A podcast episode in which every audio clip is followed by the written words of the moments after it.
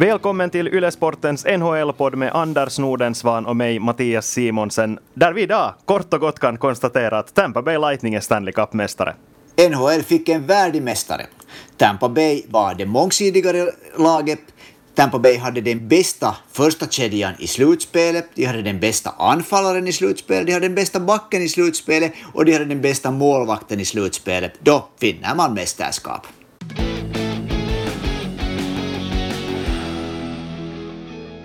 Tampa Bay Lightning fick alltså lyfta pokalen efter att ha slagit Dallas Stars med 2-0 i finalseriens sjätte match och frågar man mig så var det nog inte något som helst tvivel om saken i den här avgörande matchen. Tampa Bay var vassa, de var hungriga och kliniska då behövdes medan Dallas närmast var slöa och oinspirerade ut i 50 minuter. Håller du med Anders? Ja, det blev nog, sista, den här sista finalen blev nog något av ett antiklimax, vilket var på ett en överraskning när den där förra matchen var så intensiv med sådana fantastiska vändningar. Men det verkar nog som att Dallas på, någon, på något sätt körde sig slut i den, den matchen. Äh, det, första perioden så var helt tydligt att de, de väntade, Dallas väntade på sin chans, men sen när det kom den där dumma och dyra utvisningen som Braden Point kunde göra det målet som till slut blev segermålet. Så på, no, på något sätt kändes det som att det var Doreen som, som den här matchen av Stanley Cup var avgjord. Så, så tyckte jag när jag tittade på matchen. Mm. Det här såg inte ut som en match där Dallas riskerar att förlora titeln tycker jag. Framförallt med tanke på hur de har spelat så här långt i slutspelet. I grundserien var de ju svajiga. De inledde säsongen dåligt, de förlorade sina sex äh, sista matcher innan coronaviruset satte stopp för grundserien.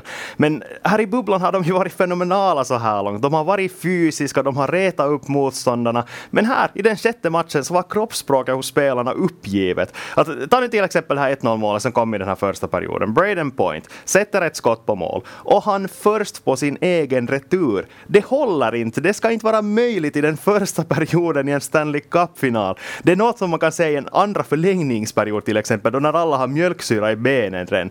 Och det fanns säkert många som spelar med skador som vi inte känner till, men de såg så slöa ut.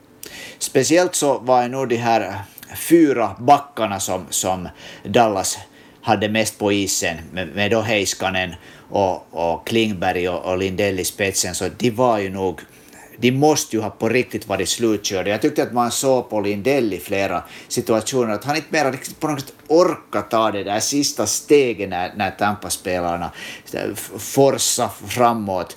Att, att materialets eh, bredd och såklart det att, att Tampa har ett, ett liksom har mera skicklighet i laget, de har mera toppspelare, så det blev nog verkligen synligt i den här sista matchen. Att, verkligen på något sätt överraskande, tycker jag, en överraskande kontrast i den där förra matchen var det att, att Dallas som sagt som du säger, de såg lite slagna ut genast från början, vilket överraskar mig. Och speciellt skulle jag ha väntat mig att, att då de här stora ledarna i laget, då kanske speciellt äh, Jamie Benn och Tyler Seguin, skulle ha klivit fram och visat att hej, vi har ännu chans att vinna. Mm. Och något som vi har talat om tidigare här i podden så är just hur backarna är de som anför spelet för Dallas. Det är framförallt John Klingberg och Miro Heiskanen som har som uppgift att öppna spelet med egna körningar upp genom den neutrala zonen. Och det här lyckades Tampa Bay eliminera jätteeffektivt. De spelare satte genast press på Dallas-backarna och klarade dessutom av att pressa just de här som inte är de som ska ha pucken, alltså Esa Lindell och Jamie Oleksiak. Så sen när de fick pucken i egen zon, det kommer en Tampa Bay-spelare genast fast i dem, så visste de inte vad de ska göra. Det är sant. Det var det såg liksom helt enkelt, de lyckades strypa eh, Dallas speluppbygge där egentligen ganska djupt nere i, bredvid Hudobins mål, kring Hudobins mål. Och senast sen när, man, när pucken kom in i neutral zon, så då var ju Tampa Bay på alla spelare, på alla puckar, helt otroligt aggressiva och lyckades direkt vända spelet tillbaks dit mot Dallas. Så det, det såg ju sådär ut som, som att Dallas liksom aldrig kom ut ur sin egen zon och Tampa stod, stod och väntade på att få sin chans och sen när de fick pucken så började de rulla den runt omkring tills de kom, kom till skott. Mm, och jag tycker också att Dallas släppte in dem på tillfället in i den här, eh, in i deras zon. Eh, för helt som du sa så Tampa Bay spelar ju väldigt aggressivt i den neutrala zonen. De väntar där vid den egna blålinjen och så till att eh, ingen kommer förbi dem. Det är inte så där bara att köra in dit. Medan i den andra änden så kändes det som att Dallas backar och backar och backar tills de har hela kvintetten där ganska tätt packat inför målet. Och då är det ju inga som helst problem för de här Tampa Bay-spelarna att bara mala på och sen sätta puckar på, på kassen på Anton Kudobin som vi väl får säga att kanske var lite osäker i den här matchen. Ja, men han släppte in två mål. Inte, inte, åtminstone kan man inte på något sätt skylla på, att, på Anton Hudobin. Att, nej, att nej, det är sant. Det är, sant. Det, det är som någon, någon, någon gång har sagt att du kan inte vinna en match om du inte gör mål. Mm. Och ett jättestort problem för Dallas var ju det här äh, spelet i powerplay. Noll mål överlag i den här avgörande matchen, trots att de ändå hade chanser i numerärt överläge. Och det var någonting som var symptomatiskt för dem den här finalserien. Tampa Bay drog på sig 19 utvisningar sammanlagt alltså, och Dallas gjorde ett powerplay-mål. Det, det är någonting som verkligen kan ha varit avgörande. Ja, och, och det att Dallas, Dallas vann ju de båda matcherna där, där Stars hade färre utvisningsminuter än Tampa, om, om man nu vill gå in till sån här statistik. Att, att Tampa var ju, som du tidigare sa, de var kliniska när de, hade, när de fick spela med, med en man mera, eller någon gång var det till och med med två man mera. Så fast det inte blev mål såklart nära heller på alla gånger, så var det alltid liksom, det där systemet fungerade och det var mer eller mindre total panik varje gång Tampa fick äh, powerplay. Så det där, Dallas hade helt enkelt, de hade inga specialvapen nu att komma med. I de här, i de här powerplayerna som, som Dallas hade i den här sista finalen så var det ju faktiskt äh, Miro Heiskanen som kom till de bästa skotten. Han hade ett par riktigt bra möjligheter att sätta in en puck, men då, då fanns inte där då fanns inte det där dödarskottet där helt enkelt. Mm. Och resten av finländarna så får vi väl säga var ganska anonyma. Joel Kiviranta är nu inte, no, tack vare vissa hjältedår tidigare där slutspel så har han kanske fått en sån roll att man kanske till och med hoppas att han ska hitta på något nytt igen. Men man kanske inte ändå kan förvänta sig det av honom. Och Esa Lindell, som du sa, han såg trög ut. Det, det är tyvärr bara så. Han gjorde nog, tycker jag, en ganska bra defensiv insats om man tänker på hur fruktansvärt mycket han har spelat i det här slutspelet. Han spelar ju mest av alla i den där förra, den där maratonmatchen och, och det där. Så jag tycker att, jag tycker att Lindell nog verkligen kommer undan med, med det där gott betyg också för den här finalserien, men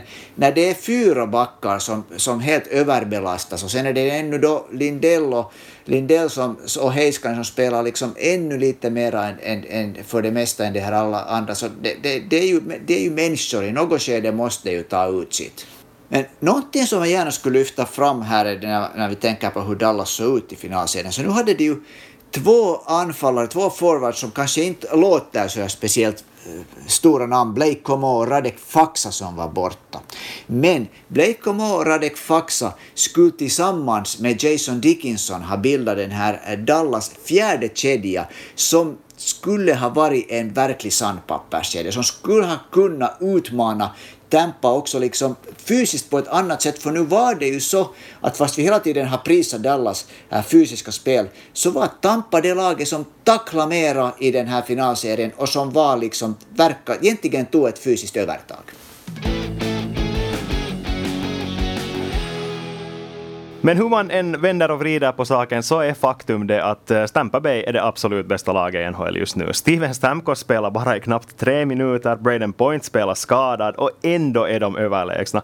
Och eh, det som är på något sätt glädjande ur deras anhängares perspektiv är ju det att de har varit där i flera år. De har haft den starkaste truppen på pappret, men alltid har någonting gått snett. De var i final för fem år sedan, förlorade där, stommen är kvar från det laget. Eh, I fjol som vi vet, de åkte ut i den första omgången mot slutspelet i, i förhand sett svagaste lag. Men nu klarar de av att använda de här motgångarna som styrka och jag, jag vågar säga att det nog inte var någon som skulle kunna stoppa dem. Dallas utmanade dem i några matcher, ja, men just det här sättet som de lyckades spela bort Dallas styrkor talar nog för att det skulle ha gått så här också om Starspelarna skulle ha haft lite mer ork i benen det som är en fråga för mig är att hur skulle en finalserie ha sett ut om inte då Joel Kiviranta skulle ha gjort ett hattrick mot Colorado i Game 7 och Colorado skulle ha tagit sig till final. Skulle en, en, en matchup mellan Tampa och Colorado ha sett annorlunda ut? För nu skulle ju Colorado ha haft de där anfallsspelarna som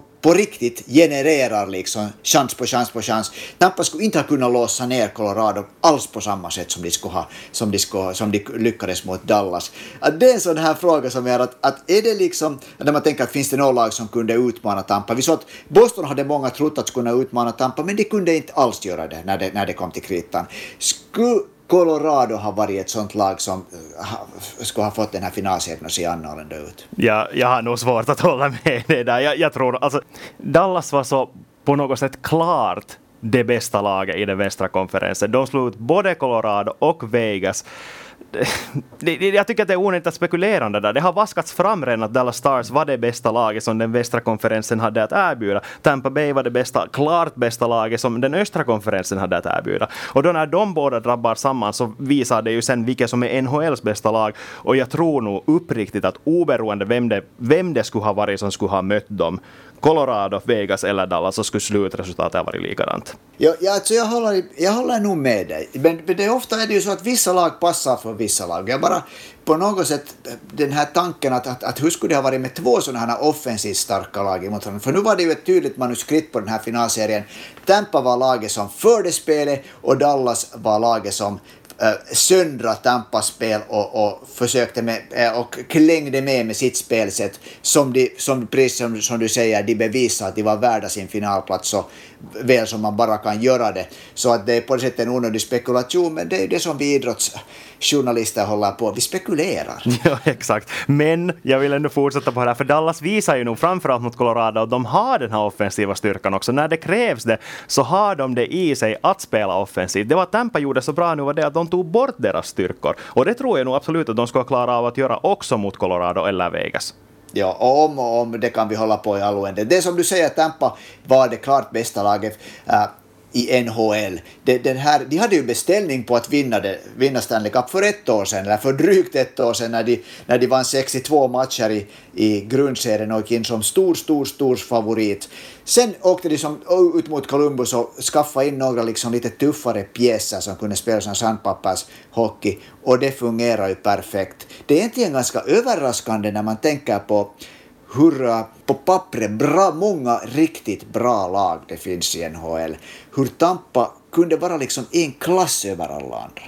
Mm. Men äh, som du sa redan tidigare så hade Tampa Bay slutspelets bästa back. Han heter Victor Hedman och han valdes till slutspelets mest värdefulla spelare, fick en Smythe Trophy. Och här är jag faktiskt av motsatt åsikt. Jag förstår inte hur Braden Point inte fick det här priset. Det är en kille som har avgjort flera matcher på egen hand, satte det avgörande matchvinnande målet också i den avgörande finalen. Och så har jag dessutom Andrei Vasilevski som tvåa i mina papper före Victor Hedman. Vad, vad tycker du, hur ser din topp tre ut?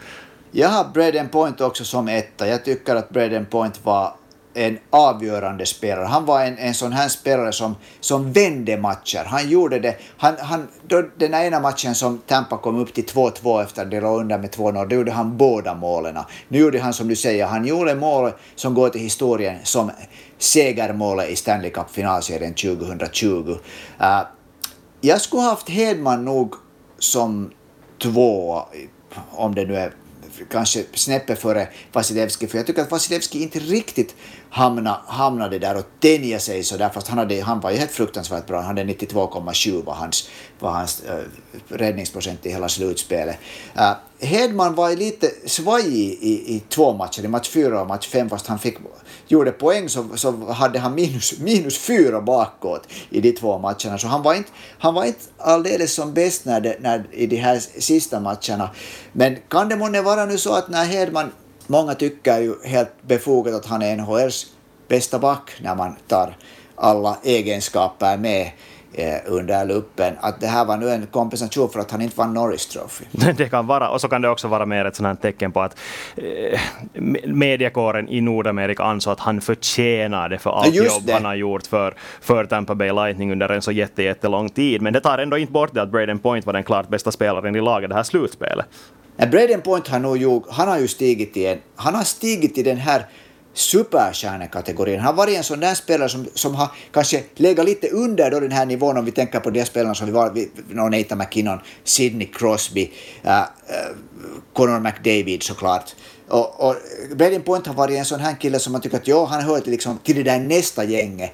Men han, har nog, alltså han är nog helt otroligt bra på allt egentligen. Fast han är inte speciellt stor så har han hemskt svårt också att, att vinna i närkamper. Men ännu lite tillbaka till det här när Hedman åkte fram för att ta emot sin, sin Conn Smythe-trofé. Så det här måste väl ha varit första gången någonsin som Gary Bettman inte blev utbuad när han kom in på isen och, och höjde rösten, så att tog mikrofonen och sa några ord. Ja, alltså, och det var kanske finalens största antiklimax. Man är ju så van vid att kommissionären alltid ska buas. Och det som stör mig är att jag tycker att Gary Bettman alltid har varit en sån person som tar det på rätt sätt. Han har vetat att publiken alltid buar när han kommer ut på isen. Han kan stå där och le artigt och vara sådär att jo, jo, buar ni på bara, jag står här. Så att skulle det inte ha varit en rolig grej om de skulle spela upp lite burop där i, där i hallen, i den ganska tomma hallen, eller att Tampa Bay-spelare ens lite skämtsamt skulle ha buat. Jag tycker att det ska vara en rolig grej. Det, det, skulle, det, ja, det har du rätt i. Det har du rätt i att det, skulle ha, det, faktiskt det skulle ha blivit en sån här, man skulle totalt ha vänt om det.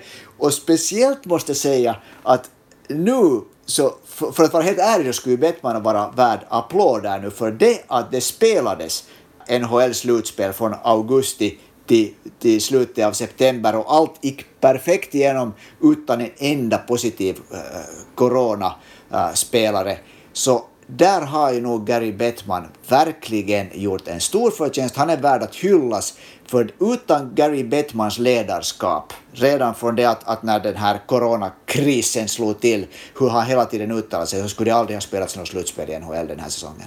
Nej, det är sant. Och samtidigt har ju spelarna varit missnöjda. På. Man förstår det att det har varit tungt att vara där i bubblan. Det är mentalt påfrestande och psykiskt påfrestande att vara där.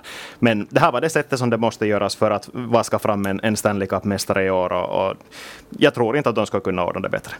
Nej, och inte tror jag att det är någon spelare nu som säger att det skulle vara bättre om att inte spela ett slutspel. Nu tror jag att alla är ganska nöjda. Det här var en, det här var en fin PR-grej för NHL. Eh, jag tror att NHL fick ganska mycket uppmärksamhet också via att man, man spelade på det, på, utan något liksom, på problem ända, ända fram till målet.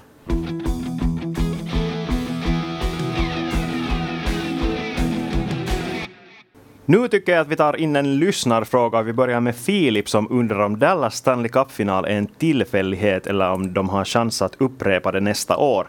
Uh, Anders, vad tycker du? Du får börja.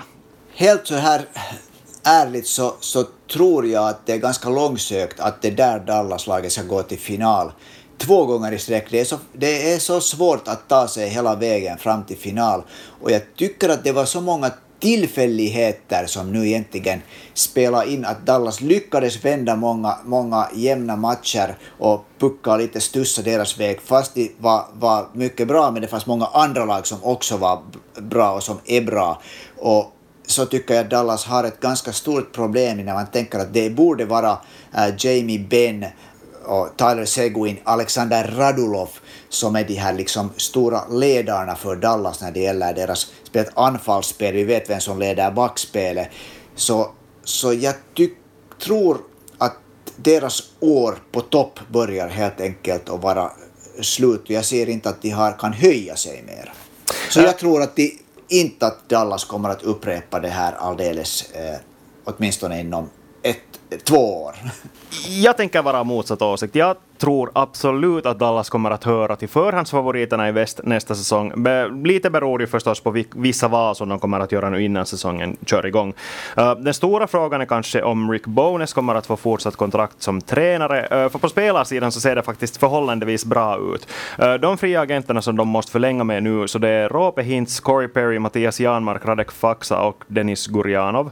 Och sen Anton Kudobin förstås, målvakten också. Men de har 15 miljoner upp till lönetaket enligt sajten Cap friendly och jag tror att de kommer att kunna behålla merparten av de här viktiga spelarna här. Inte nödvändigtvis alla, jag tror att Corey Perry är den som kommer att falla bort av den här äh, kvintetten. Men nyckelspelarna här, alltså Hintz, Faxa och Gurianov, så kommer att stanna och jag tror att det kommer att räcka ganska långt. För trots att Ben och Seguin och äh, Radulov kanske spelar dåligt nu i finalserien så tror jag ändå att det finns den där hungern kvar. Om de bara själva väljer att använda det på rätt sätt så kommer de att vara ett lika bra lag också nästa år. Jag tror att för att Dallas ska kunna kämpa om att vara bland de bästa de här eh, närmaste åren så måste de skaffa in nya spelare. De måste få in någon, någon sån här toppanfallare som verkligen kan, kan göra skillnaden. Någon sån här, någon sån här deras egen version på Braden Point uh, som, som faktiskt kan komma och leda sina trupper. För jag tycker att det, det fattas för tillfället. Jag tror inte på att de namnen som du nämnde där, om du tänker på Hintz och, Gurianov, att, att de är färdiga att ta en sån roll. Och jag har hemskt svårt att tro, Jamie Benn tycker jag att är lite bet, bättre, men jag har hemskt svårt nu att tro att Tyler Seguin och Alexander Radulov mera ska kunna, mera ska kunna liksom äh, ta det steget till som behövs för att föra hela vägen. Och så tycker jag dessutom att det finns andra lag i väst som, som är på väg klart uppåt och då tänker jag nog på att det kommer att vara mycket svårt att stoppa Colorado från att gå till final äh, någon eh, av de närmaste åren. Men ännu för att återgå till tränaren, alltså Rick Bones, så det tycker jag att det är en jättesvår fråga för Dallas. För det råder inget tvivel om att han var en perfekt coach för ett lag i den här bubblan. Det var, som vi har tidigare konstaterat, det var tungt psykiskt att vara där. Det har alla spelare också medgett. Och Bones är känd för att vara en tränare som alla spelare gillar. Se nu bara på hur han omfamnar de här Tampa Bay-spelarna när de skakar hand med varandra efter finalen. Hur, hur uppriktigt alla faktiskt älskar honom fortfarande i Tampa Bay. Och i de här exceptionella förhållandena så var det just sådana här tränare som klarar sig väl. John Cooper är likadan, Barry Trotz i Islanders. Men frågan är att räcker det till i grundserien? Sen när säsongen och spelet förhoppningsvis börjar rulla på som normalt, då, då måste man ha något mer än det än att bara vara en good guy. Och jag tror ändå att Dallas nu måste förlänga med honom, för han var ändå den tränaren som tog dem till den första Stanley Cup-finalserien på 20 år. Vet du att jag tror att Bones inte vill fortsätta som chefstränare. Han har ju många gånger sagt att han gillar att jobba som andra tränare. Han, har ett, han är, han är en, en, en det där kille som har ett på ett liv utanför rinken också. Han trivs med den där rollen att inte ha huvudansvaret. Nu tog han plikttroget över när, när det där Jim Montgomery eh, fick hoppa av på grund av sina alkoholproblem. Men jag tror att, att eh, Bones kommer att säga att det här fick räcka för mig, att jag vill inte vara chefstränare. Det här tippar jag. Ska vi också ta en titt på Tampa Bay? Tror du att det här nu är början på en dynasty? Kommer de att vara kvar i toppen i den östra konferensen? Ett topplag kommer det ju säkert vara många år framåt, men, men det där, du har tror jag bättre koll nu på alla deras, på deras aktuella, aktuella kontrakt och situationen där när det gäller lönetaket. Så att det här laget som nu vann så har jag för mig att äh, kommer att splittras på något sätt. Eh, det kommer det nästan garanterat att göra. Eh, kontraktläget i Tampa är mycket mer komplicerat än i Dallas. För det första kan vi konstatera att de bara har fem miljoner upp till lönetaket. Och det har, alltså, att de har fem miljoner dollar på sig att teckna kontrakt med de spelare som de vill teckna kontrakt med. De spelarna som de ska förlänga med, Cirelli i anfallsleden, han är en pjäs som de alldeles garanterat vill behålla behålla, men det stora problemet är backarna. Jag räknar nu upp alla backar som inte har kontrakt. Erik Cernak, Jan Rutta, Mikhail Sergachev, Luke Chen, Kevin Shattenkirk och Zach Bogosian. De har bara tre backar under kontrakt och de har fem miljoner på sig att på något sätt bygga ihop ett mästerskapslag igen och det är faktiskt mycket begärt. Så jag tror att de tvingas träda någon anfallare som har förhållandevis hög lön. Men vem? Jenny Gourd, Tyler Johnson, de har båda löner på fem miljoner. De är kanske aktuella. Alex Killorn också. Han har en lön på 4,5 miljoner. Så jag vet inte. Jag vet inte vad de ska göra för att liksom klara av att bygga ett lika starkt lag till nästa säsong.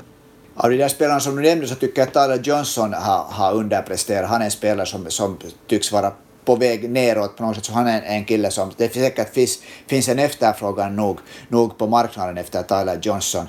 Uh, av backarna så, så det där tycker jag egentligen att det är bara Sergachev och, och Shattenkirk som är sådana som, som Tampa nödvändigtvis vill förlänga med. Jag tror inte riktigt att de där andra namnen är sådana som det där, speciellt då Bogosian och kanske inte heller Jan Rutta, sådana, sådana backar som äh, är, är, speciellt viktiga för Tampa Bays koncept.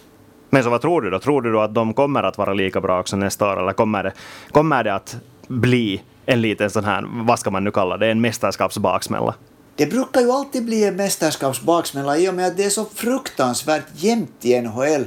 Och, och, det där, och om Tampa har varit på väg uppåt och nu nådde den här sin, sin det där, äh, nu nådde sitt mästerskap efter att man verkligen satsat, så på något sätt tror jag att den där balansen, när pendeln sviktar så att det kommer andra lag som just nu är på väg uppåt och då, då det där kommer jag att tänka på, speciellt och jag säger igen där från, från västra konferensen, tror jag att Colorado är ett sånt lag som är på väg uppåt. Ett lag som kommer att bli jätteintressant nästa år, man tänker också på Tampas äh, synpunkt, är, är det där Pittsburgh Penguins som helt tydligt har beslutat sig för att ännu med det här gänget kunna vinna, kunna vinna ett mästerskap och är hungriga igen. Så jag tror på något sätt att Tampa kommer att få en sån här, nu gjorde vi det efter alla de här åren och det blir hemskt svårt att motarbeta en sån här reaktion, att man på något sätt inte riktigt når till samma nivå. Jag håller delvis med, men jag tycker också att det inte finns värst många lag i östra konferensen som faktiskt är på väg uppåt. Det finns många som eh, äh, ja, är lovande och som har många unga spelare och som fortfarande kan bli bättre. Men sen om vi tittar på sådana som faktiskt är nära att vara på den nivån, ens nära den nivå som Tampa Bay är just nu, så då är det kanske Pittsburgh, det är kanske Toronto, det är kanske Carolina, men det är ungefär dem. Jag skulle faktiskt, just bra, bra du tog fram det här, för jag skulle säga att Carolina är det laget som på något sätt ligger och bubblar. Det, det kan vara att de är en riktigt bra målvakt, eller en tillräckligt stabil målvakt om vi säger på det sättet, och en profilanfallare ifrån att vara ett lag som kan gå hela vägen. Då tyck, så tycker jag. Och vi hinner ännu med en snabb fråga och det är Kristoffer som undrar om Victor Hedman eller någon annan i Tampa Bay nu blev medlem av den så kallade trippelguldsklubben, alltså gänget spelare som har vunnit såväl Stanley Cup, OS som VM-guld. Och svaret är nej. Ingen av Tampa Bay-spelarna har vunnit både VM och OS-guld. Victor Hedman till exempel har inget OS-guld på meritlistan. Steven Stamkos som kanske är det andra namnet som många genast tänker på att hej, han har ju varit med mycket. Så nej, det har han faktiskt inte. Han har varken OS eller VM-guld på meritlistan. Ett World Cup, World, World Cup-guld har han, men inte något av de andra. Så än så länge inga nya medlemmar i trippelguldsklubben. Och där får vi kanske sätta punkt för uh, veckans diskussion. Om du har en fråga som du vill skicka in till oss, som du vill att vi ska ta ställning till, så då är det bara att mejla till svenskasporten.yle.fi eller att skicka in till Ylesportens Instagramkonto. Om en vecka är vi tillbaks och vi kan kanske avslöja att då ska vi ta en närmare titt på hur alla finländare egentligen spelar i slutspelet och också blicka lite framåt mot draften. Tack för att du lyssnade. Tack ska du ha. Hej då!